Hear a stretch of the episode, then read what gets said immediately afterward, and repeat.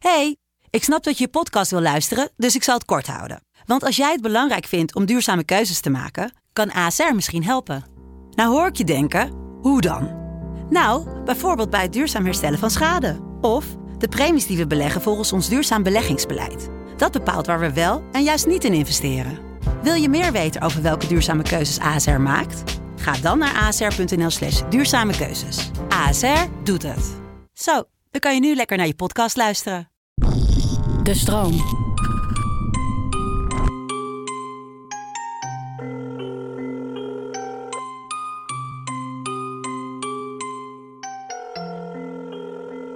Uh, hello, I'm the person whose representative Revil, hacking group that completed an attack on your company computer servers. And I gotta tell you right now that we are waiting for your final decision. DarkSide, Hive en de Conti groep. Het zijn geen maffiafamilies, maar criminele ransomware-groepen. Deze hackers versleutelen en stelen al je data en eisen daar enorme sommen losgeld voor. Misschien herinner je het nieuws over de mediamarkt van eind vorig jaar nog. Afgelopen zondag werd hier in Nederland de elektronica-keten Mediamarkt hard geraakt door een hackaanval. Toen eisten cybercriminelen 43 miljoen euro. De winkels bleven open, maar de computersystemen van de firma waren voor een groot deel ontoegankelijk. Klanten konden niets terugsturen of afhalen. En de daders? Dat waren de hackers van Hive, een beruchte groep die zelfs ziekenhuizen gijzelt. Dagelijks worden wereldwijd duizenden bedrijven getroffen door deze vorm van criminaliteit. Deze online gijzelnemers worden steeds slimmer, rijker en dus gevaarlijker. De meeste ransomware-groepen hebben zelfs een helpdesk die het heel makkelijk maakt om bitcoins over te maken zodat je de online gijzeling zo snel mogelijk kunt afkopen. En in sommige gevallen krijg je die criminelen zelfs aan de telefoon. you know, honestly, we don't need that information from your company. I mean, we just need that for money, okay? Wie zijn deze criminelen? Hoe gaan ze te werk? En hoe onderhandel je met deze gevaarlijke hackers? Okay, and if, if we pay, do we get our information back? Our data? Is- Yeah. Do you still have our Yeah. data? Yeah. Ik ben Daniel Verlaan en als techjournalist onderzoek ik het internet. In deze podcast hoor je waargebeurde verhalen die zich online en vaak recht onder je neus afspelen, maar toch onzichtbaar zijn. Je luistert naar Ik weet je wachtwoord. Just the latest big company to pay a ransom. $11 million in Bitcoin. 1500 bedrijven zijn erdoor getroffen. Vleesproducenten, bedrijven met olie- en gasleidingen, veerbootdiensten, ziekenhuizen, universiteiten. U.S. companies are paying $102 million in ransomware payments every month. To pay or not to pay is the dilemma all ransomware targets face.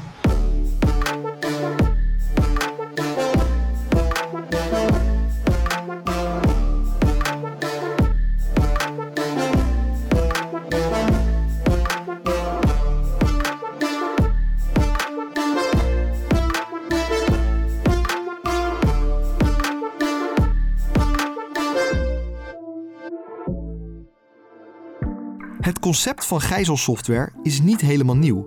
Sterker nog, ethisch hacker Sanne Maasakkers weet precies hoe de eerste aanvallen gebeurden. Eh, echt meer dan 30 jaar geleden, was er iemand die had een soort van ransomware geschreven en op een floppy gezet. Had jij die in jouw computer gedaan en daarna 90 keer jouw computer weer uit en aangezet, dan kreeg je dus een melding dat dingen het niet meer deden. Want dat allemaal dingen aangepast zodat jouw computer niet goed kon opstarten.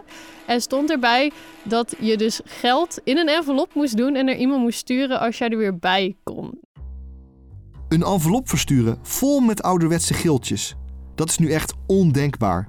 Tegenwoordig wordt het losgeld voor de online gijzeling van grote bedrijven meestal verstuurd naar een bitcoin-adres, met soms wel miljoenen tegelijk. Sanne merkt in 2017 dat ransomware steeds gevaarlijker wordt. In dat jaar vindt er een wereldwijde ransomware-uitbraak plaats, met een ironische, maar zeer toepasselijke naam. Het is 2017. Jij eh, start op je werk, zet je computer aan nadat je net je eerste koffie die ochtend hebt gehad. En in plaats van dat je je normale ja, bureaublad ziet, zie je opeens een rood scherm. WannaCry Decryptor staat er. Er staat: Ik heb je bestanden versleuteld. Uh, wil je die terugkrijgen? Betaal dan 300 dollar in Bitcoin. Het hack is van de dam. De gijzelsoftware wordt eigenlijk vanaf dat moment steeds slimmer en de criminele organisaties groter. De hackers richten hun pijlen doorgaans op grote, vermogende bedrijven. Nou, het uiteindelijke doel van dus die ransomware-criminelen is om op zoveel mogelijk computers binnen een organisatie die ransomware uit te rollen. En daarvoor gaan ze op zoek naar de digitale controlekamer. En die digitale controlekamer is eigenlijk een plek binnen een organisatie waarmee jij heel de organisatie op eh, ICT-gebied kan beheren. En als je op die plek bent, kun je dus er ook voor zorgen dat wanneer jij morgen jouw computer aanzet, er dus ook zo'n hele fijne ransomware-melding uh, wordt getoond. Hoe die criminelen binnenkomen, dat kan iedereen in de zomer van 2021 duidelijk lezen. Als een heuse handleiding van de ransomwaregroep Conti uitlekt. De criminelen vertellen daarin stap voor stap hoe je met hun software bedrijven kunt gijzelen. Dat begint al met dat er wordt gezegd: oké, Google naar een bedrijfsnaam en check hoe rijk ze zijn, zodat ze weten of ze wel een goed doelwit hebben gekozen, dat ze genoeg geld hebben om te betalen. Ja, en daarna begint het echt met de meest basisdingen die je ook in iedere ethisch hackcursus ziet. Uh, er wordt bijvoorbeeld gezegd van nou probeer uh, welkom 1, 2, 3. Of bijvoorbeeld de maand van het jaar waar je nu in zit en het, uh, en het jaartal met een uitroepteken. Omdat veel mensen dat nog steeds gebruiken. Ook Pim Takkenberg, die regelmatig met deze cybercriminelen onderhandelt, leest de handleiding van Conti. Dus het is een complete handleiding en instructie hoe je maximaal en zo snel mogelijk een bedrijf kunt ownen en kunt gaan gijzelen. Ja, en wat hier dus gebeurd is, en dat vind ik dan weer fascinerend, is dat een van die groepen op een gegeven moment niet blij is geweest met de winst die ze kregen, uh, of eruit zijn geknikkerd en hebben gedacht, weet je wat, ehm, zoek het maar uit. Ik gooi gewoon deze handleiding op het internet en ik zal jou eens te kakken zetten. Dus je ziet dat die groepen natuurlijk niet altijd ehm, even gesloten zijn. En ja, dat levert ons af en toe uh, buitengewoon interessante informatie op om echt te snappen hoe ze werken. Een bedrijf dat geïnfecteerd raakt met ransomware is eigenlijk hetzelfde als wanneer het hele pand in de fik staat. Alles gaat verloren en ze kunnen nergens meer bij. Het klantenbestand, de contracten, overeenkomsten, het is allemaal weg. Het digitale vuur heeft alles opgeslokt. Bij echte vlammen bel je 112 en dan komt de brand weer meteen blussen. Maar wie bel je bij een digitale brand? Ricky Gevers bijvoorbeeld. Als tiener heeft hij twee grote passies: computers en vogelspotten. Of sinds hele jonge leeftijd vind ik vogels al super interessant. Toen heb ik een, een hele mooie website gebouwd. Uh, waarbij uh, je simpel gezegd waarnemingen kan invoeren. Uh, binnen die vogelaarswereld is het ook een soort van sport om zoveel mogelijk soorten in een, in een jaar te zien. En via die website kun je dan keurig bijhouden welke vogels jij dit jaar hebt gezien. En waar, op welke locatie. Dus dan kan je op die manier ook met andere vogelaars delen van uh, hier zit een hele zeldzame soort. Uh, ga er maar snel heen, want dan kan je hem ook nog zien. Totdat op een dag ik wakker werd en uh, er een heel ander plaatje stond op de website. En ze de, de website gehackt hadden. En zogenaamd, zoals ze dat dan noemen, gedefaced. Dus ze hebben de, de, de data van de website weggehaald en vervangen voor andere data. Dus daar schrok ik van. Toen dacht ik, nou, dan moeten we zo snel mogelijk terugzetten. Dus toen heb ik een backup van de website zo snel mogelijk teruggezet een half uurtje later was hij weer gehackt. En toen wist ik van iemand heeft heel veel macht over mij op dit moment. En uh, die is in staat om te bepalen wat de website weergeeft. In plaats van dat ik in staat ben om dat uh, te bepalen. Vanaf dat moment stort Ricky zich volledig op hacken. Want als je begrijpt hoe je wordt aangevallen, pas dan kun je je verdedigen. En zo ben ik steeds verder grenzen eigenlijk gaan verleggen. In de zin van dat je eerst één computer hackt, uh, vervolgens hack je twee computers, dan hack je een computer in Nederland, vervolgens hack je een computernetwerk in Nederland, vervolgens ga je naar een universiteit in Nederland, vervolgens ga je naar een bank toe. En van een bank eindig je ergens bij de NASA en dan heb je alles wel uh, een beetje gehad, denk ik. Maar de hacks van Ricky blijven niet ongezien. De FBI onderzoekt een online inbraak die Ricky doet bij een grote Amerikaanse universiteit. De autoriteiten in de VS lichten vervolgens het Nederlandse Team Hightech Crime in. Ik was lekker aan het slapen en de volgende dag zou mijn uh, minor forensics and security beginnen. En uh, daar ben ik nooit aan gestart, want in die nacht kreeg ik dus een inval en werd ik uit mijn bed getrokken. En um, ik woonde nog in een studentenhuis op dat moment en ik was 22. En uh, het grappige was, als je in een studentenhuis woont, dan haal je wel eens geintjes met elkaar uit. Dus ik dacht eigenlijk eerst dat het een grapje was van mijn medestudenten. Die agenten stormden binnen en uh, ik weet niet meer precies wat ze schreeuwden, uh, maar ik weet wel dat ze op enig moment, ik had een hoogslaper, dus ik lag een klein beetje verstopt in een hoekje. En een van die agenten zei toen, hij is er niet. En toen dacht ik, oh, ik ga even meespelen met het uh, grapje van mijn medestudenten. Dus toen gooide ik de deken zelf van me af. En toen zag ik eigenlijk al meteen van dat het niet helemaal meer een grapje was of wat dan ook. En uh, nou, toen werd ik vrij snel aan mijn arm getrokken en uit bed, uh, bed gesleurd.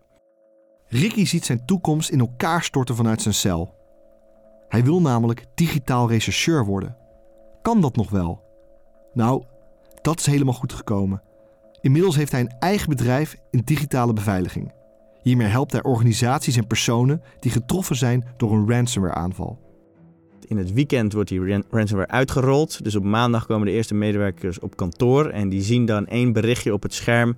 En dat is dat alle data versleuteld is en dat je via dit adres contact met de aanvallers kan zoeken. Uh, in de praktijk zie je dan vaak dat die bedrijven zelf nog eventjes het een en ander gaan proberen. Maar meestal na een dag komen ze erachter van dit gaat ons niet lukken. En dan uh, zoeken ze steun en dan komen ze bij een partij als uh, die van ons uit. Ze laten meestal een, een, notificatie achter en via die notificatie leggen ze jou uit hoe je contact met ze kan zoeken. in de praktijk betekent dat dat je ze op een bepaald e-mailadres een e-mailtje moet sturen. Maar meestal is het een portal. En dat portal bevindt zich op het Tor-netwerk. Dat wordt ook wel eens het dark web genoemd. En dat is gewoon een chat-sessie. Daar log je in en dan heb je een andere operator aan de andere kant zitten. En daarmee kan je dan gaan onderhandelen om je de spulletjes terug te krijgen. In de onderhandelingen via de digitale portal herkent Ricky bij verschillende gijzelingen de onderhandelaar. Bijvoorbeeld aan de manier waarop hij of zij typt. Die persoon uh, die gebruikt altijd een, uh, aan het eind van de zin een spatie en dan twee uitroeptekens. Dus dat is een heel herkenbaar individu. Dus wij weten ook al precies hoe we met deze persoon moeten omgaan en wat we kunnen verwachten, et cetera. En het grappige is dan dat hij iedere keer weer hetzelfde kunstje uitvoert. Uh, want hij heeft waarschijnlijk zelf niet door dat hij weer met dezelfde persoon uh, zit te praten. Maar wij weten precies dus wat we kunnen verwachten. En dan weten we ook van, nou, nu gaat hij ons helemaal bedreigen. Gaat hij van alles zeggen dat er aan zit te komen, dat hij dit gestolen heeft en dat gaat publiceren. En dan weten we ook, dat gaat allemaal niet gebeuren. Ook krijgt Ricky te maken met verschillende ransomware groepen. Een van de grootste en meest brutale is de organisatie die ik eerder al noemde, de Conti-groep. Uh, Conti staat er bekend omdat ze een stukje agressiever zijn dan gemiddeld, dan de, andere partijen. Uh, ze staan ook bekend om de hele hoge bedragen die ze vragen. En uh, er zitten meerdere operators daar achter de knoppen. Dus de ene keer gaat bijvoorbeeld zo'n gesprek heel fijn en dan heb je, ja, loopt het soepeltjes om het zo te zeggen. En soms kan je ook wel eens een persoon achter de knoppen hebben die gewoon echt niet heel fijn is. En dus echt heel agressief in zo'n gesprek zit. Conti wil ook nog wel eens hele vreemde emotionele uitspattingen hebben. Dus dan zeggen ze ineens, was bijvoorbeeld tijdens de pandemie, de coronapandemie. Uh, toen werd er in ransomware land afgesproken een beetje dat ze ziekenhuizen niet zouden aanvallen. En Conti zegt, oh dat gaan wij wel doen. Het is het paasweekend van 2021. Gure wind en door het hele land is er kans op natte sneeuw.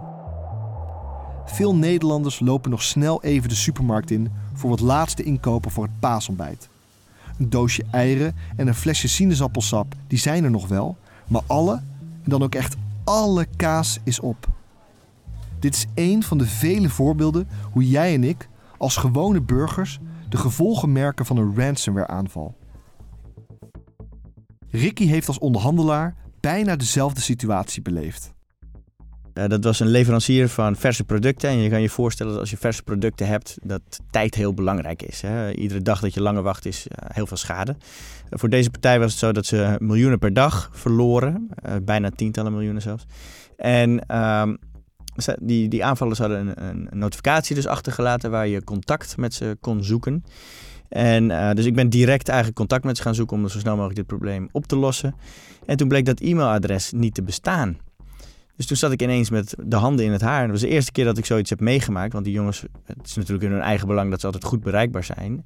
En wat ze bij die e-mailadres ook altijd doen, is een backup adres. En dat backup adres werkte ook niet. Of in dit geval was hij hetzelfde, dus het was één e-mailadres. Tot ik me realiseerde van deze groep heb ik vorige week ook al gehad. En uh, toen heb ik ze aangesproken via een andere e-mailadres.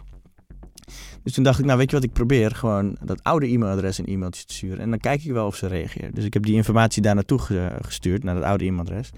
En binnen een uurtje had ik een reactie. En kort daarop volgde een tweede mailtje met uh, de inhoud: hoe kom je eigenlijk aan dit e-mailadres?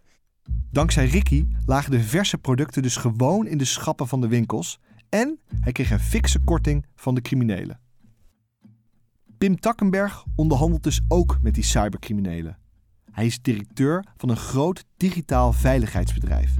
Maar de loopbaan van Pim begon bij de politie. Pim was de leider van het Team Hightech Crime. Je weet wel, dat team dat Ricky jaren geleden oppakte.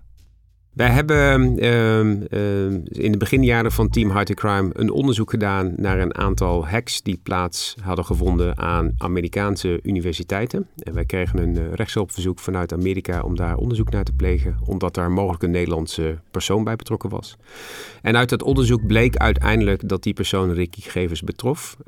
En ik kan me nog herinneren dat we op een uh, bepaalde dag vroeg in de ochtend naar de woning van Ricky zijn gegaan. Uh, daar is Ricky toen aangehouden en hebben een uh, doorzoeking gedaan van zijn woning.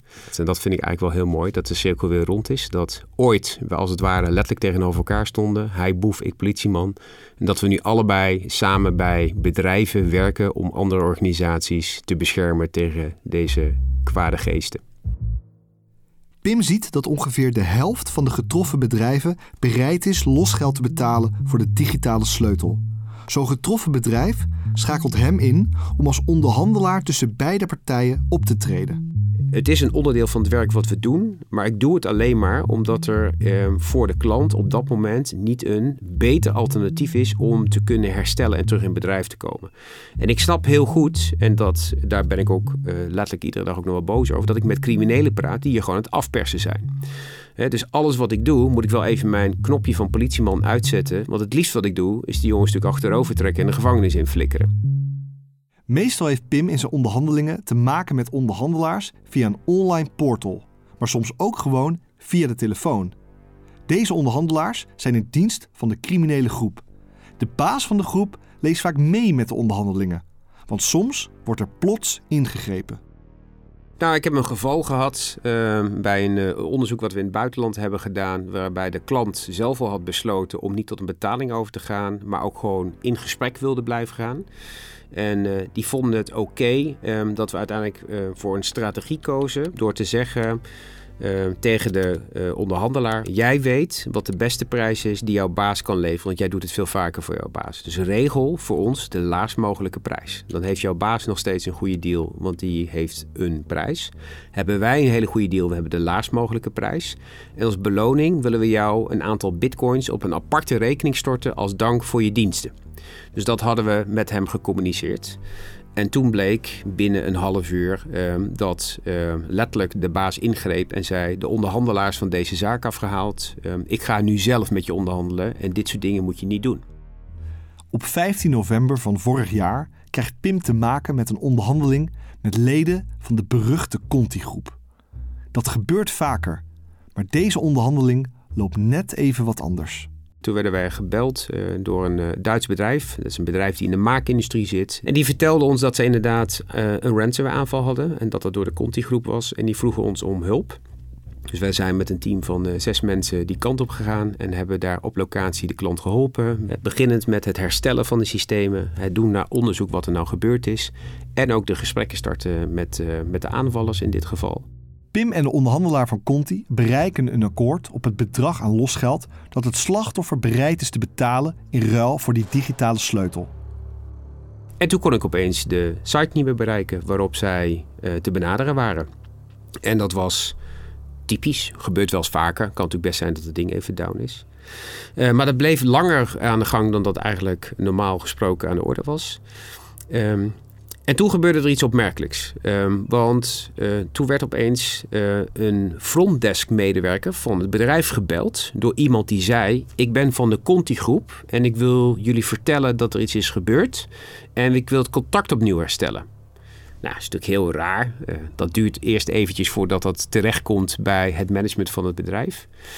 En gelijktijdig ongeveer kwamen wij er ook achter dat een Zwitsers securitybedrijf in had gebroken in de chatcommunicatie van de Conti-groep, die zij dus faciliteerde, het platform eh, waar al die groeperingen, zeg maar die Conti gebruikten, met de slachtoffers aan het praten waren. En die hebben daar een aantal weken mee zitten lezen, mee zitten kijken. En die hebben daar een rapport over geschreven en die hebben dat gepubliceerd. Dat heeft die groep gezien. Die zijn in paniek geraakt en hebben meteen hun chat uh, applicatie downgebracht. Die wilden niet meer dat dat gebruikt wordt. Het vervolg van het gesprek met de onderhandelaar van Conti gaat telefonisch. Pim spreekt met Melissa. Ze is beleefd en probeert Pim gerust te stellen en duidelijk te maken dat hij niet wordt opgelicht. So we were talking to Conti and now the website is down. That makes us nervous because we are already hacked by Conti. So we want to be certain that you are not hacked, for example. So can you tell what happened with the website? Why is it down? Uh, we right now our technical support uh, discover what happened, but for right now our server like was down. Okay, and if, if we pay, do we get our information back, our data? Is, yeah. Do you still have our yeah. data? Yeah. Omdat de servers en betrouwbaarheid van de Conti-groep dit keer niet optimaal zijn, probeert Pim de onderhandelingen te heropenen. Yeah, we agreed on a price, but it makes me very nervous. So it would be helpful if we can negotiate the price, maybe. Uh, please write down uh, to our email about this, okay? Because um, uh, I'm not responsible for all steps. Yeah. You did the negotiations with us as well. Uh, yeah. Ah, so I spoke to you on the chat. Not only me, but yeah, um, I also help Okay. uh, uh, in negotiations. Yeah, because your your the writing was very friendly and you sound very friendly as well. Thank you. It's my position. De onderhandelingen duren door het offline halen van de portal dagenlang. Om de pijn voor zijn klant te verzachten, krijgt Pim van Conti een korting van 30% op de oorspronkelijk afgesproken losgeldsom. So your name was Melissa? Yeah. Yeah, Melissa. Okay, thank you, Melissa. Bye bye. Yeah, thank you too. See. Ransomware-criminelen zijn sluw en georganiseerd. Tegen dit soort criminelen opboksen is daarom lastig. Toch zijn er kort geleden een aantal grote arrestaties gedaan. Jordi Scharlo is cybersecurity-expert bij KPN en heeft met zijn collega's bijgedragen aan het opsporen van die criminelen. De afgelopen jaren hebben we gezien dat de cybercriminelen steeds beter zijn geworden. Ze hebben ontzettend veel kunnen investeren in hun technologie, in hun, in hun ransomware. Door tijd, kennis, kunde en geld daartegen aan te gooien. En daar hebben wij natuurlijk een antwoord op moeten geven. En ook wij hebben ontwikkeld als verdedigende partij. Daardoor kunnen we het laaghangende fruit er nu redelijk goed uitvissen. Maar die echt grote jongens die bovenaan de piramide staan, die ver weg zitten, die een beetje onaantastbaar waren, daar hadden we eigenlijk nog geen antwoord op. Maar nu hebben we ook daar een succes weten te boeken. Met een fantastisch staaltje internationale samenwerking hebben we een bende opgerold die heel veel schade heeft toegericht. Deze arrestaties hebben echt alleen maar kunnen plaatsvinden omdat we de internationale samenwerking hebben opgezocht. Omdat we vertrouwen in elkaar hadden. Met partners zoals de Europol, FBI, het Nederlandse team Hightech Crime en bedrijven als KPN, Bitdefender, McAfee. Samen hebben we kunnen laten zien dat deze vorm van cybercriminaliteit niet risicoloos is en ook niet ongestraft zal blijven. Een gezamenlijke aanpak. Daar gelooft ook Pim in. Nou, de belangrijkste dingen die moeten gebeuren om dit aan te kunnen pakken is dat aan de ene kant wij als specialisten moeten breed gaan vertellen hoe deze criminelen opereren en wat ze doen. Want als je het snapt hoe het werkt, dan kun je er ook meer aan doen. In het verlengde daarvan moeten organisaties in de breedte dit onderwerp heel serieus pakken en ook zorgen dat ze basale dingen gewoon regelen. Meerstapsverificatie, backups, monitoring inregelen, systemen patchen, dat moeten ze ook gewoon fixen. Het derde punt is, is dat we er niet alleen komen vanuit het bedrijfsleven. Dus hier zullen ook publiek en private partijen intensief moeten samenwerken om informatie te delen, om te zorgen dat je dit soort criminele groeperingen kunt identificeren en wellicht ook kunt aanhouden en vervolgen. Maar ook om te zorgen dat we met juiste regelgeving zorgen dat bedrijven ook de juiste maatregelen nemen om ook beschermd te zijn tegen dit soort aanvallen. Dus het is echt een gezamenlijke aanpak. En de oud-politieman Pim, die hacker Ricky jaren geleden arresteerde, die zijn inmiddels bevriend. Ze gaan vaak samen uit eten. En waar ze het dan over hebben? Ransomware natuurlijk. Uh, dus ja, dat is mateloos interessant. Hij heeft ook wel eens gevraagd of ik voor hem uh, wilde werken. Ik denk dat de relatie daarvoor een klein beetje te verstoord is. Dus dat dat niet zo heel snel zal gaan. Maar het is natuurlijk een hele bijzondere twist van de situatie. Dus van het moment dat iemand jou voor het eerst eigenlijk uit je bed trekt... tot aan dat je nu zit te dineren en eigen concurrenten van elkaar bent.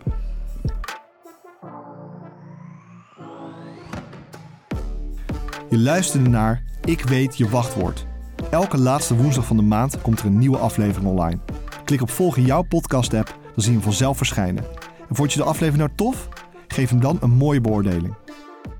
Voor meer spannende verhalen kun je ook mijn boek Ik weet je wachtwoord lezen, de gelijknamige website checken of volg me op Daniel Verlaan.